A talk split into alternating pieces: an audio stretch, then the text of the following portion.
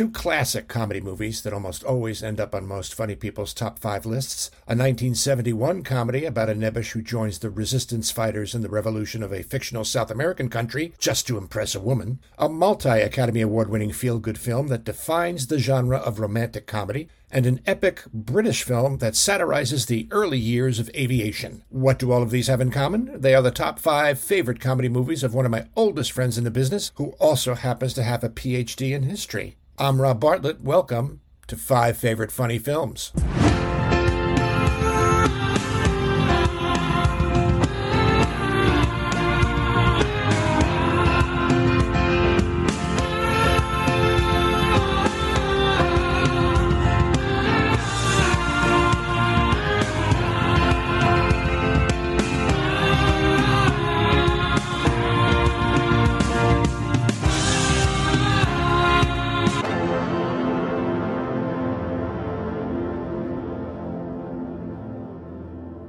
My guest this week is an old dear friend of over 40 years. We've worked together on many a hell gig, infamous midweek one-nighters in New Jersey, ground rounds for 40 bucks and half-price food from the left side of the menu. As a stand-up comedian, he's appeared on Comedy Central, MTV, VH1, Fox, and A&E. He is the author of a comprehensive tongue-in-cheek chronicle of the American saga entitled A Funny Thing Happened on the Way to the 21st Century, which is a factual yet irreverent survey of American history from the beginning through the modern era. He teaches comedy through his stand-up university, which is currently located at the Brokerage in Bellmore. And not only is he a teacher of how to be funny, he is one of, I believe, only two stand ups who have a PhD, which he uses as professor of history at Queensborough Community College. He is co host of the Stand Up Memories podcast with his partner in crime, the hardest working man in show business, Jackie the Joke Man Martling. It's currently in its fourth season on YouTube. Boys and girls, please welcome my friend, Dr. Peter Bales. Oh my goodness! Thank you. Uh, it is so great to be here. So great to see you and uh, be on this podcast. Yeah. I am open for the Rainy Night House this weekend. uh, a great old comedy club in Queens that I associate you with, and mm. a guy hanging out of the door there in the kitchen. Rick Sussman. Oh my god! But you had you had Jerry Seinfeld and Dom Irrera. You had everybody there. We had Dice. Dice was Andrew Clay. Uh, yes, he wasn't even Dice at that time. Yes, his closer was impressions of Al Pacino, Robert De Niro, and John Travolta as kindergartners. that was that was his closing piece, and it was damn good. He would do Jerry Lewis as Nutty Professor. I mean, he was. It, it I always tell I always tell the story about the Rainy Night House you had Dom Irrera there, had a bad set. He bombed, and I was there, and he felt bad when he got off. And of course, Dom Irrera went on and is still, you know, plugging away and having a terrific career and filling comedy clubs on weeknights and having Showtime specials and just being super successful. And I saw him 25 years later after that Rainy Night House show, and he takes me aside and he goes, you know that night at the rainy night house i was i was just i was tired. I just i just I, it's, you never as a comedian stop feeling insecure in some ways. You you never forget the uh the times you die and you don't seem to remember the times you kill as yeah often. well we gotta we gotta work on that. I think a lot of comedians i do you know 99 point something percent it goes great. Mm. why do we have to remember you know the tough ones? Yeah yeah and but it's always fun when you're on a show and somebody's having a tough time. I mean that living vicariously and just on the outside looking in and knowing what it feels like and just taking such delight in that. When I did stand up memories, I remembered one of the first paying gigs we ever did as Long Island comedians was at the Smithtown Landing Country Club. And it was, you know, early on in the comedy boom, people weren't really sure what to expect. But we were like in the you know, in the card room, I guess, of the country club. And uh, there was a microphone, but no stand. And there were maybe 15 people in the audience, and they were very clueless as to what was going on. And of course, myself, Bob Nelson, and Dave Hawthorne, all three of us were prop acts. So we needed a microphone stand, and they didn't have a microphone stand. So we went into the, the game room and got a pool cue and duct taped the microphone to the pool cue, and we rested the pool cue in an umbrella stand. And um, and as each one of us went up and died a horrible death, the the, the rest of us were just delighted on the side, watching what was going on. I remember Hawthorne in the middle of his act took his hand and wrapped it around the pool cue and moved it up and down and said, "The butter will be ready in about two minutes." And it was just, Bombing is not fun at the time, but you can Oh, look no. back. And, and it's always better when you're watching somebody. That's the greatest. I mean, it's Oh, just nothing better. oh, I know, I I remember they would put Gilbert Gottfried up at like two o'clock in the morning at Catch to try and clear out the room because he was so out there. And we'd come back from like a, a midweek one nighter and we knew that they were putting him on late. So we would all crowd in the back and he would do his act to clueless drunks and we would be dying in the back. And I remember I saw him once do 45 minutes without opening his eyes. His eyes were like screwed shut the I entire know. time. He, he'd do things like, I just got back from Africa. It's all black there now. He was a comedian's comedian. That's what you're Oh, talking. yeah. Comics are in the back laughing like crazy. The audience, a lot of the audience, is like, "What is this?" Yeah. You Yeah. know? that's that's I think why this podcast interests me, and I don't know, people find it interesting, is to find out what funny people find funny. What we as professional funny people, what it takes for us to call something a favorite comedy movie. You know, I narrowed it down to five. It doesn't necessarily have to be the best comedy movies, but your favorites. You know, the idea is you're going to be the first person on Mars and you can only bring five DVDs with you, uh, comedy DVDs. Which ones are you going to bring? When you're sitting at home and you're flipping through the channels, you know, and, and you stumble upon one of these, you know, you're going to stay till the end. And your your list is um, more eclectic. I mean, there's some standards. Thank you. I was, I was, Yes, there's some standards. Blazing Saddles and Airplane.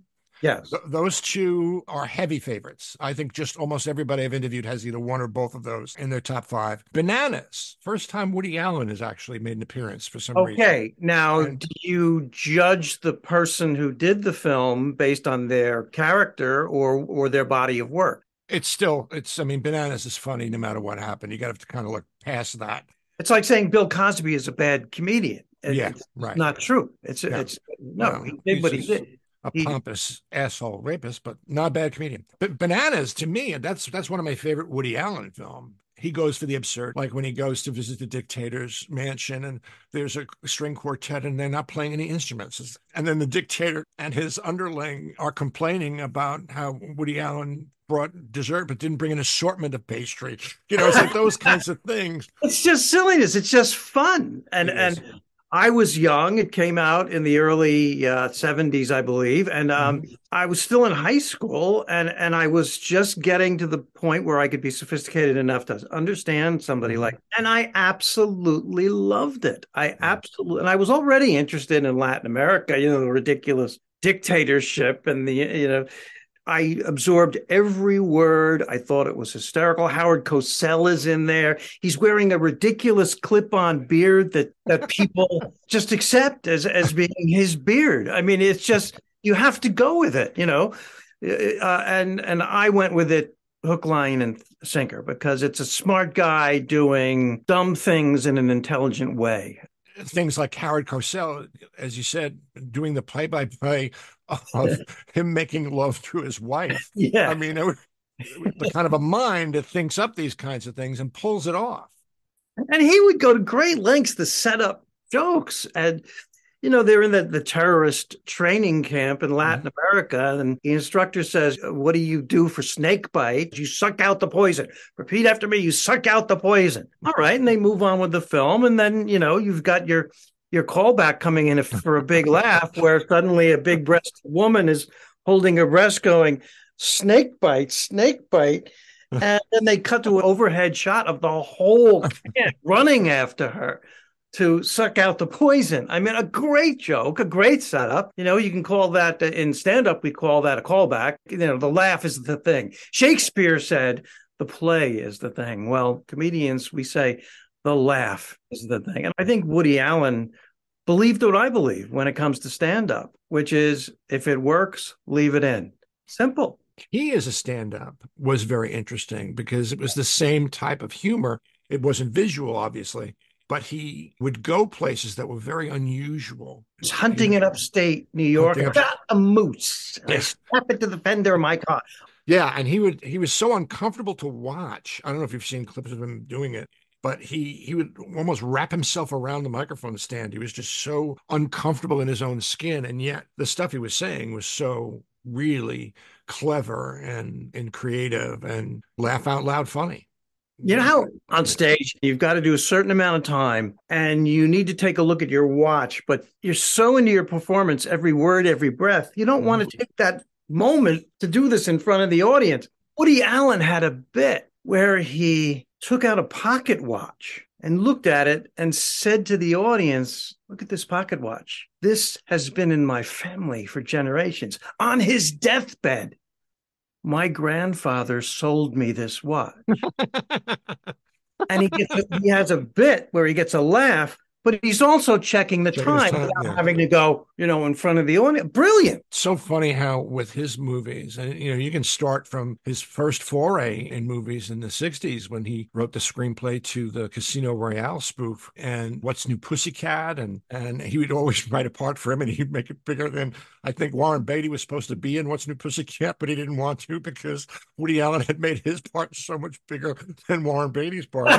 but and then, you know, moving on to Take the Money and Run and Bananas and Sleeper. I love the fact that it was just fun and not taking itself so seriously. You right. can. Somebody pointed this out to me. I didn't notice it, but somebody pointed it out to me in Sleeper. There are scenes where you can just obviously, not obvious for me to see it the first time, but once somebody pointed it out to me, where the boom mic comes down into the shot, if you're looking for it, it's obvious multiple times. And then I was aware of that as I watched Take the Money and Run and Bananas. And it does happen there too. But who cares really? Right? Yeah. Yeah. But it's mm. interesting that he's a director.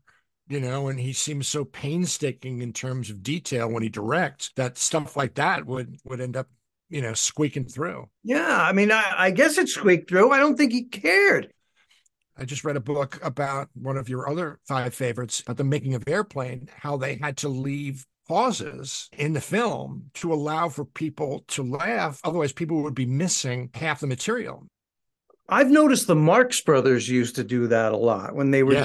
doing when their verbal material, and you really notice it when you're watching on television alone. The mm-hmm. pauses mm-hmm. and the pauses they're waiting for the theater audience to laugh. Not too long ago, watching uh, Duck Soup in front of a audience of about a hundred undergraduate students who didn't mm-hmm. laugh at all who didn't get it at like silence. Get out of here. And and the movie ended and the lights came on and this 19 year old turns to me and goes, "Which one is Chico?" You know, uh, you know, comedic styles change. They just do. I think Bananas, Blazing Saddles, Airplane, where you're just banging the laughs, and the Marx Brothers to a certain extent, where you just sure. I don't think that's ever going to go out of style. Uh, you know, the one of the films on my list those magnificent men in their flying machines really you got to put yourself in that place in time. First of all the movie came out in the 60s i think 65 65 yeah. And where was i really young kid go i went i saw it in the theater. I chose that movie because man it took place in 1910 1910 is still an age of innocence. Uh, it's not 1914 yet. The world has not tumbled into World War One. The old ways are still in place with the dukes and the duchesses and the lord of the manor, and it's so innocent. And they they're racing from Paris to London, and and takes 25 hours. And and they've got these new things. They don't even they're airplanes. They don't. I guess they don't really know are they going to work. They're kind of working, but you can crash. Uh, it was just so innocent, so fun, so silly and you kind of know what's coming is a world that's never going to be the same again. And the cast is like a who's who of British legends. Terry Thomas, you know, Terry Thomas, Robert Morley. Yes, uh, Robert Morley. Terry Tom Terry Thomas, you know, had the gap before Letterman did. I mean, yep. Letterman stole from Terry Thomas. Sir Percy Ware Armitage. Benny Hill was in. Benny Hill was in it. Now look at look at Benny Hill. Benny Hill is very British, very slapstick. His mm-hmm. stuff is all over uh, yeah. YouTube and and and the internet, and he's wonderfully funny. But you've got to get into the head. You've got to get mm-hmm. into the head of it, you know, and just realize when he was doing his thing, what it was. Sit back and relax and enjoy it for God's sake. Yeah. Don't be snobby about it. You want oh, that's so you know crude and ah, just have fun. And Red Skelton is a Red Skelton made a made a guest, um, appearance. You know what? Also, is very similar to those magnificent men and their flying machines, uh, and I almost put it on my list. Uh, the Great Race with Jack Lemmon, Jack Lemmon, Jack yeah. Lemmon's sidekick Peter Falk, Peter Falk, and oh and Matt Margaret, I believe, was was the love interest and the Ugh. reporter for for Tony Curtis, and that is at the same time period, and they're Mhm. racing, and it's silly and it's funny, and I just I just loved it. that kind of a genre of the multi-star, almost epic, like uh, it's a mad, mad, mad, mad world. Yes, that's you know? a favorite too. A lot of a lot of comics. A lot of people put that on of Yeah, and I think because it's an it's an epic. It's the Ben Hur of comedy movies, basically. Stanley Donen trying to get people out of the living rooms and the TV sets back into the theater. you know, Yes, it And was- to have you know Spencer Tracy, Jonathan Winters. Jonathan I Winters. mean, that's a man I would watch read from the phone book. There is nobody. I mean, who could be as funny as he could be just spontaneously. Do you ever see the, I think it's the Sinatra roast where they introduce him? He's not on the desk, but they introduce him as Frank's bus driver. no, It's on YouTube. If you get a chance, you should check it out. it. He does this whole monologue about being Frank's bus driver and talking about driving in the snow. And there was a dog. Somebody saw a dog inside, so he got the dog. And then Frank wanted to put the dog on the hood so it would look like it was a Mack truck. And, and the dog got caught in the windshield wipers as they were trying to brush away the snow. And I, I used to watch uh, old Tonight shows with Johnny Carson, bringing on Robin Williams and then bringing out Jonathan Winters. Robin Williams just being in awe and immediately going into Second Banana with the great Jonathan Winters. You're choosing films on your list here that like Bananas, and obviously that's one of a spate of movies that Woody Allen made. And then you include Mel Brooks, as I think every list of top five comedy movies Really? should have at least one Mel Brooks. And then the dilemma is which Mel Brooks? Because to me, there's the big three the original producers, Blazing Saddles, and Young Frankenstein. Of those three, it's like, how do you pick one of those three? And you chose Blazing Saddles. Blazing was- Saddles. And I'm sitting here and I'm thinking, those are three incredible movies, but Blazing Saddles stands out. And I'll tell you what, I was in college. I was toward the end of college. I was thinking about becoming a stand up comedian. I was into stand up comedy. I went to Northwestern University. So I was out in the Chicago area and took workshops at the original Second City. And so I was, you know, getting ready to make the leap into comedy. Mhm. And I sat down and I saw one powerful laugh after the other. Not, they didn't care about the plot. They didn't care about any. They cared about spot gags. They used to call mm-hmm. them. They were wonderful. They were funny. They were. I, uh, everybody was likable. Uh, I, it must have been very hard work on the set, but they made it seem like it was just so much fun. And and and I sat there and I was in awe of Blazing Saddles. It was so funny. One great laugh after the other, and I sat through it. I didn't get up. It was in a theater. I sat through it a second time. Couldn't believe how funny it was. You know, they're doing black jokes and Jewish jokes and German Mhm. jokes and jokes about everything and gay jokes. And I still watch it when I can, when Mhm. I get time. And I Mhm. still say to myself, I can't believe those guys are farting and they're leaving it in. Yeah. Uh, oh yeah. Oh yeah. I've seen it actually on television where that scene suddenly goes silent. It's so weird. They they played Blazing Saddles at Radio City Music Hall a few years back, and Mel Brooks came out and spoke afterwards. He got interviewed on stage. First of all, experiencing that movie in a theater like Radio City, six thousand people, it's sold out. And it's a movie that obviously everybody in the room has seen at least five times. And so you would start to hear the laughter before scenes even Ah, started no. because people were anticipating what was coming up, you know? You Uh, know, that's how, how, how Lynyrd Skynyrd uh, feels when they start getting Freebird and they haven't true. even been introduced yet. And what was great was Mel Brooks related how he could not do that movie again. He couldn't do it now because of the, the culture being what it is. He could never do that, even though the whole point of that movie is to take a bite out of racism. I mean, the original screenplay was written by Richard Pryor, you know, and they adapted it from him. And he was part of the writing team and was supposed to have played the sheriff, but the studio didn't want to gamble on him because he was so unreliable. It, it's about something. It has many layers. It does. It has it has a great story, has something to say, but then, like you said, has all these spot gags. There's a moment at the end when they pull back the camera and you see the the just that it's a movie set. That was the invention of meta, I think, was Harvey Korman going to Grauman's theater to see the movie that he's in. You know, I mean, it's just it's so great. There is a lot of sexist and racist stuff in there, but it numbs. I, I see what they were trying to do. They're just trying to say this is ridiculous. You you can't hurt me with this stuff because we're making fun of it. So many classic moments and so many classic lines and so many classic scenes. It almost becomes part of the vernacular. That Yeah. that movie has embedded itself into our daily lives to the point where you can reference it in just casual conversation. especially for our generation you know and when i when i say you know older male comedians share something and i bet you're going to share this too as a kid Mhm. i was greatly influenced by mad magazine Oh, of course. You you say of course but, Yeah. but females of our age look at us like we're nuts just the way they look at us when we say the three stooges are great.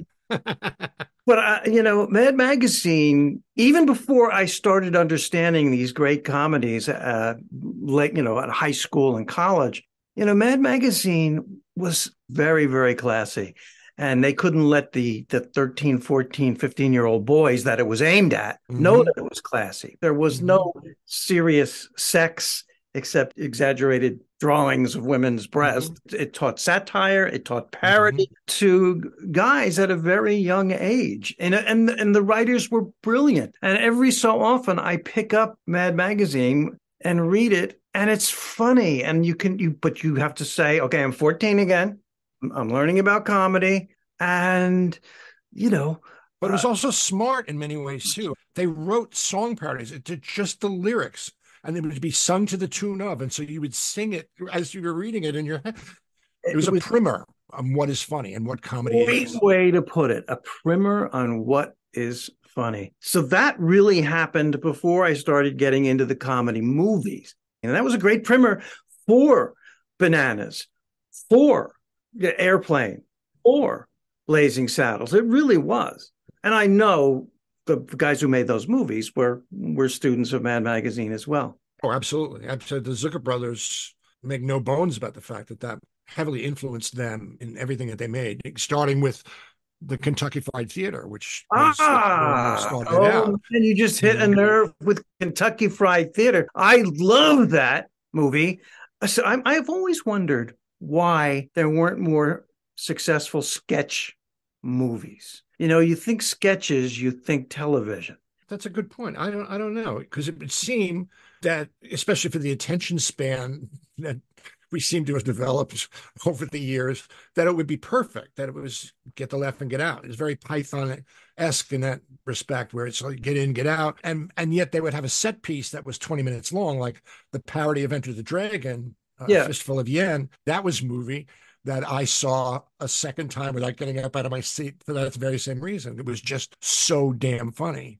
I claim, truthfully, to have been on a trip with my parents, took us to London. Mm. I have one younger brother, and we were in the hotel room together, and we turned on British TV to, to see what this is like. And we turned on a show, and it was Monty Python. First run, and we we recognize that it's funny and different. Boy, these British have a weird sense of humor Mhm. remember the show right before Monty Python came on. It was it's late late sixties in, in in London. Detective Inspector Hector Vector, detective who could only talk in rhymes. Oh, I'm a sculptor. Oh, you're a master in plaster, you bastard. We're looking at that.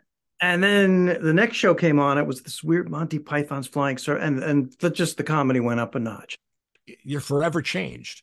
Your, your life is never the same after you see that for the first time. Again, when you see that the root of their humor was all about the silly. It- Silliness is much maligned unfairly, I think. Silliness always works, always will work. It's just for the pure joy of the laugh of being silly. And Monty Python, I mean, that would have to be the number one thing you'd have to say about them is they were just silly.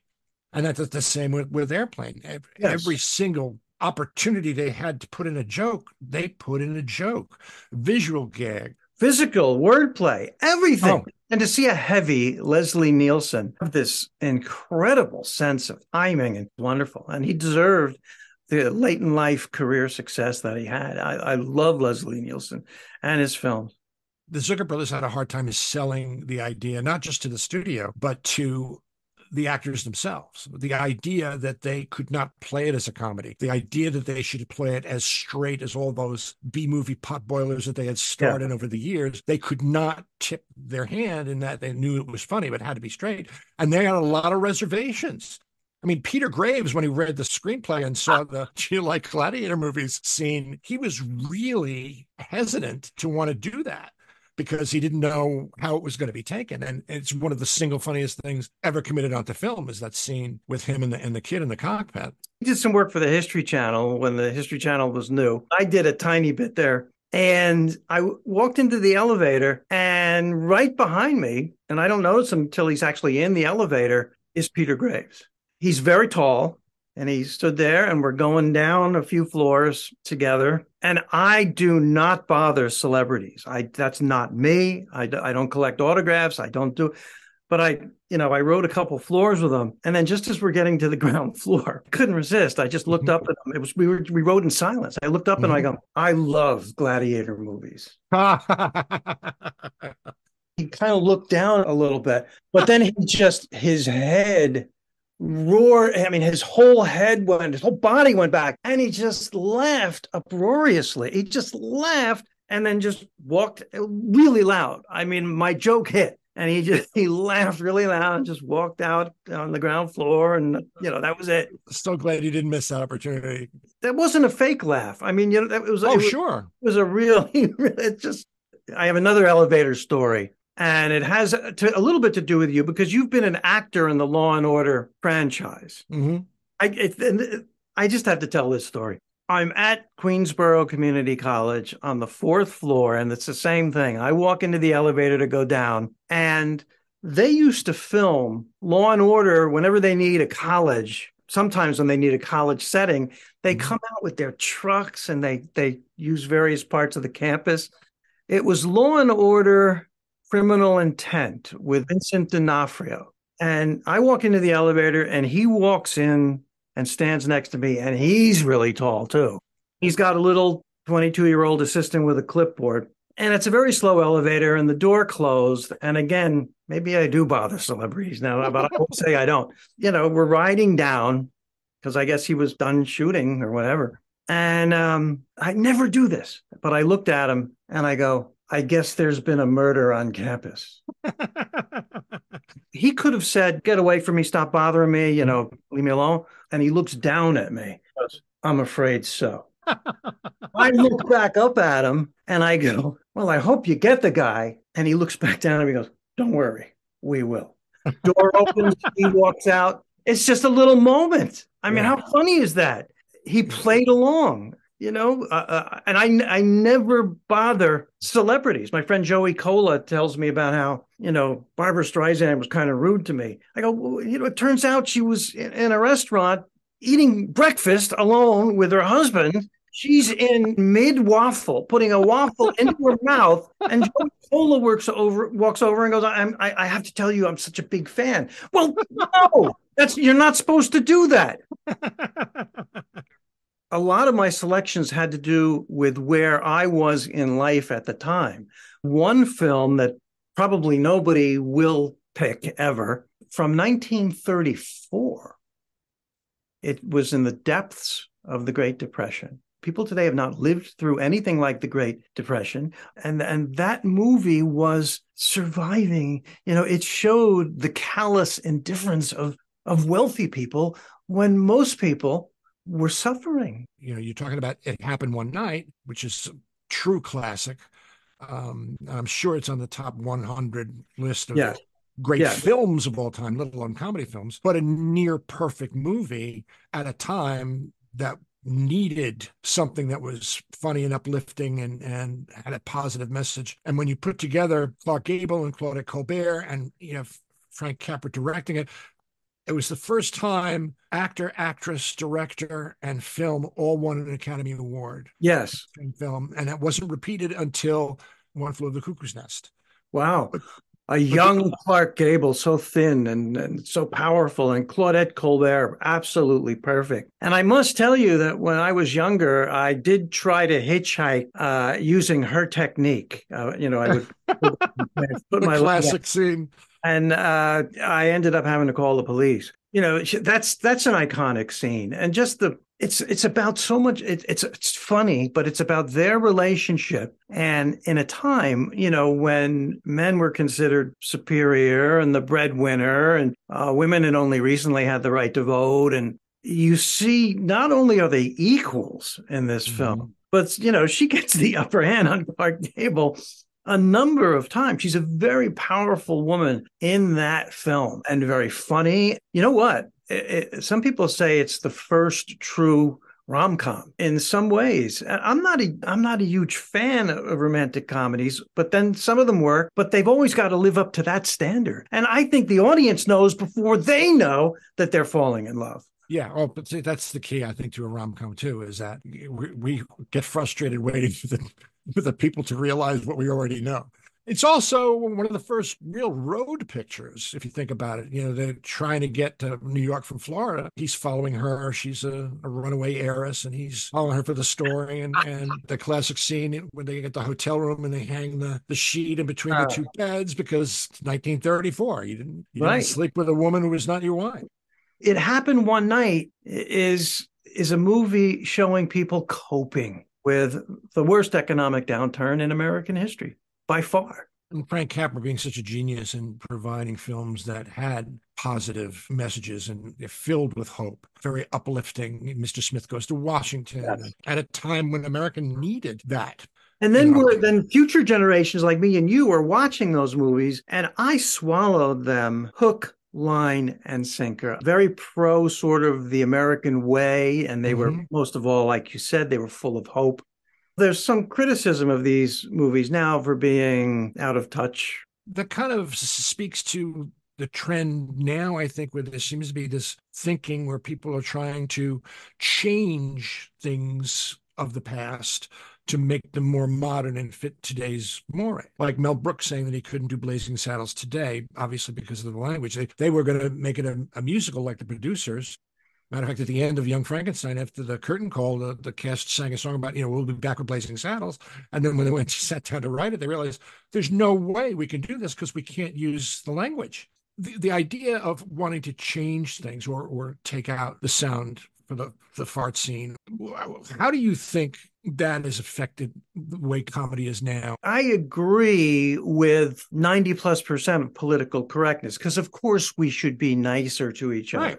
But then there's an element of it, and it's just the top percentage that's that's absurd and counterproductive and you can't make your point without using the word and it gives the rest of political correctness a bad name. It's a complicated question. Should you take the N word out of Huckleberry Finn? My answer is no. But as a, as a teacher, you've got to be very careful about something like that. The N word is kryptonite. I mean, and and and and it should be given our history. You know, mm-hmm. we've had in, in the news somebody running for office not uh, mentioning the word slavery and, and describing uh, the cause of the Civil War. My. God. I think that we need to have judgment, and you can go too far with, well, you know, woke, being woke, you can go too far. But in general, to be nicer to each other, more sensitive, is is is a good thing. But in comedy, I hear you know white comics say, I don't mean anything by it. We're just having fun with it. Come mm-hmm. on. Mm-hmm. Not being so woke. Well, you know, it's not up to the white male comic to decide oh, how absolutely. minority groups are supposed to react to this kind of stuff. It's very pompous to think that me as a privileged, you know, white male can possibly know what it feels like to have a word like that used pejoratively to describe me as a person. I, there's no way I could possibly speak to that because I don't, I've never experienced it. I mean, I've been called right. names, obviously, but I mean, especially that one word has so much baggage attached to it. I totally understand it. And, and Richard Pryor spoke to it years and years and years ago when he said he he wanted to figure out a way to take the power out of the word. Yes, by using so that, it so much. Yes. Yeah, you know, and and the same thing with Lenny Bruce. He wanted to, to to take the power out of that word so that no little black kid would have to cry in the playground for being called the N word. I think that there's a total lack of kindness in general across the board in the world. And in theory, the idea of wanting to be more sensitive, I think, is great. But I often wonder what George Carlin would say about this approach, especially to comedy, because comedy, we're supposed to be controversial. We're supposed to be shaking up things and looking at things in a, in a different way. The psychology behind comedy is so deep in these films we're talking about and stand up, you know, and and and you started our conversation you know, with this about how comedians remember the bad times when 99.9% of the time the shows are great. Right, right, exactly. You remember the fight, the power went out, the time mm-hmm. the you know the audience didn't even speak English. Why was I booked? You know, why? Why do we focus? Why don't we just focus on the positive? I guess we could hmm. say that about society in general. Well, I think that's kind of what drives us to be comedians in the first place is that need for acceptance, that need for attention, of wanting to be special. You know, in the meantime, we're we're we're on the wrong side. We're we're facing the wrong way in the club. We're we're, right. we're working when everyone else is sleeping. You know, is this and at the club? Yes, exactly what you just said. We're working. The audience is off. They're on mm-hmm. on their weekend. They're they're mm-hmm. off tonight. We're working. It's the mm-hmm. opposite opposite of what the mm-hmm. audience is experiencing. Um, and nobody understands that. Nobody, no. you know what drives me crazy? Oh, you only work 45 minutes a, a night. Oh, yeah. I, I cannot deal with that. that. That goes hand in hand with the guy who says, Oh yeah, I could do that. Everybody at work thinks I'm funny. Yeah, I, I, you know, I, I, can make people laugh. Just, well, yeah, you know. Oh well, let me let me let me. Can I plug a couple? Can I plug Stand Up University? Has now been running for 25 years at the Brokerage Comedy Club. You know, we've been at the McGuire's, we've been at Levittown Governors, and now we're at mm-hmm. the Brokerage, which is a nice, intimate club. If you want to start out in stand up comedy and get your first six minutes, uh, standupuniversity.com standupuniversity.com. And uh, it doesn't matter how old you are. Comedy, I love saying this comedy's for everybody. I don't care how old you are, what race, ethnicity, mm-hmm. religion, gender, mm-hmm. anything. Comedy is for everybody. And I, I love that about stand up. But I, I, I, thought of the class because I tell I tell the, uh, our students, you don't ultimately decide what's funny. The audience mm-hmm. decides what fun what's funny. Sure. sure. And if they're not sure. laughing, well, then it's not funny. But I like it. I think it's open. No, you know, the audience is deciding. I don't care. A comedian cannot keep a bit in their act that doesn't work just because they like it. Either yeah. fix it, but you've tried it a lot and it's a, a, hole in your act, and get it out of there. Fish yeah. or cut bait. Yeah. Well, the audience decides. I love that about stand up. I love that. It's also very personal too. It's, it's, coming from you, and like any other art form, you're pulling stuff from your own experience, and you're somehow presenting that to an audience in a way that will make them laugh. There's definitely a psychological profile attached to that for sure. You are a wonderful film historian. Um, oh well, I love. I, I we all love the movies, but you go above and beyond that. It was it was growing up without any friends and sitting in uh, at home in the dark and watching the 4:30 movie on Channel Seven every weekday. I got I got to tell your audience something. Right before we started, you know, you said something, and I'm going to remember it, and I'm going to say it to my students and act like I thought of it. No, mm-hmm. but uh, you said, you know, you can tell a lot about a person by their, especially comedians, but everybody Uh, by their favorite movie, just the way you can tell a lot about a person by who their favorite Beatle is. Ever since that that comment that you made, it was before we went on, right here next to me has been a flashing sign. Who's your favorite Beatle? And I'm struggling this whole podcast. I am a Beatle lover, fanatic. I, I read the history about them. I try to understand them. And I, you know, if you put me on the spot, I'd have to have an answer, but I don't, I don't know the answer to that because they're all so different. Mm-hmm. I, you know, it's, it's like comedy movies. They're all so different. You know, I love Ringo. I love mm-hmm. George. You mm-hmm. know, I, I think the two dominant ones artistically, of course, were John and Paul, but I love those other two guys. They couldn't have been the, they, every single one was essential I wonder if on your podcast one day somebody will put a hard day's night, which is underrated. Eh, I mean, how that they were it was 1964. How could they be that good in a film so soon? It would, that, that's in my top five. It is Absolutely. Absolutely. because it's just it sums up exactly what the world was like at that moment. It shows how natural they were, unique they were, that it was really them. There was nothing manufactured about it. I mean, there's plenty manufactured around them, but at the core, them being them was what sold them.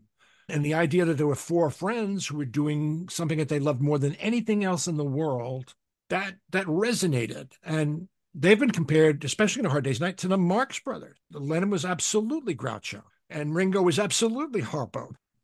Gun to my head, if I have pick a favorite Beatle, um, it's Pete Best. I love it. and if you don't know who Pete Best was, you, you got to Google it, right, boys and girls. I'm not going to tell you who he was. You should do your homework. I have read so much about how he was replaced, and I still don't have a handle on what happened anything that happened with the Beatles, good or bad or indifferent, you can blame on McCartney. Uh, if you forced me for an answer, I'd have to say Paul. Because uh, he was the driving force. Maybe mm-hmm. driving too hard at times, especially toward the end. Oh, absolutely. They need, but they needed that though in a mm-hmm. lot. Um, and of course, he's had the most success by far. But I, I, they are all indispensable. There's so much said about Pete Best, and I have so little understanding of the truth. Mm. Was he a bad drummer? Was he a bad drummer? No, he was uh, actually technically a much more proficient drummer than Ringo. But Ringo is what they call a feel drummer. He was not into the rudiments, couldn't read music. He self taught. The reason why it was so unique was the rhythm that he provided was slightly behind the beat because he was a left-handed person playing a yes. right-handed drum kit. And so that coming off of fills, the hands would be in the wrong place, but that lag is what drives, especially all the early Beatles stuff, forward and makes them what they are. What sure. you're saying is what I've come to understand is he wasn't a better drummer, he was a better Beatle. Thank you, my friend, for uh, ah for taking part in this. This oh, was, oh, the uh, time flew by. Again, standupuniversity.com. Uh, that's my comedy school and standupmemories.com, yes. my podcast, of which you were a wonderful guest on with Jackie the Joke Man Martling. Thank you. Peter Bales, everybody. Thank you, man. Uh, my pleasure. Five Favorite Funny Films is a Babyhead production, written, produced, and edited by me, Rob Bartlett. The 4F theme song composed by Gary Grant. Mr. Bartlett's wardrobe provided by Botany 500. Our show was taped live in Cleveland, except for the parts not taped in Cleveland, in front of a non existent studio audience. No animals were harmed in the recording of this podcast. We'll see you again on the next five favorite funny films. Until then, be kind to each other, won't you?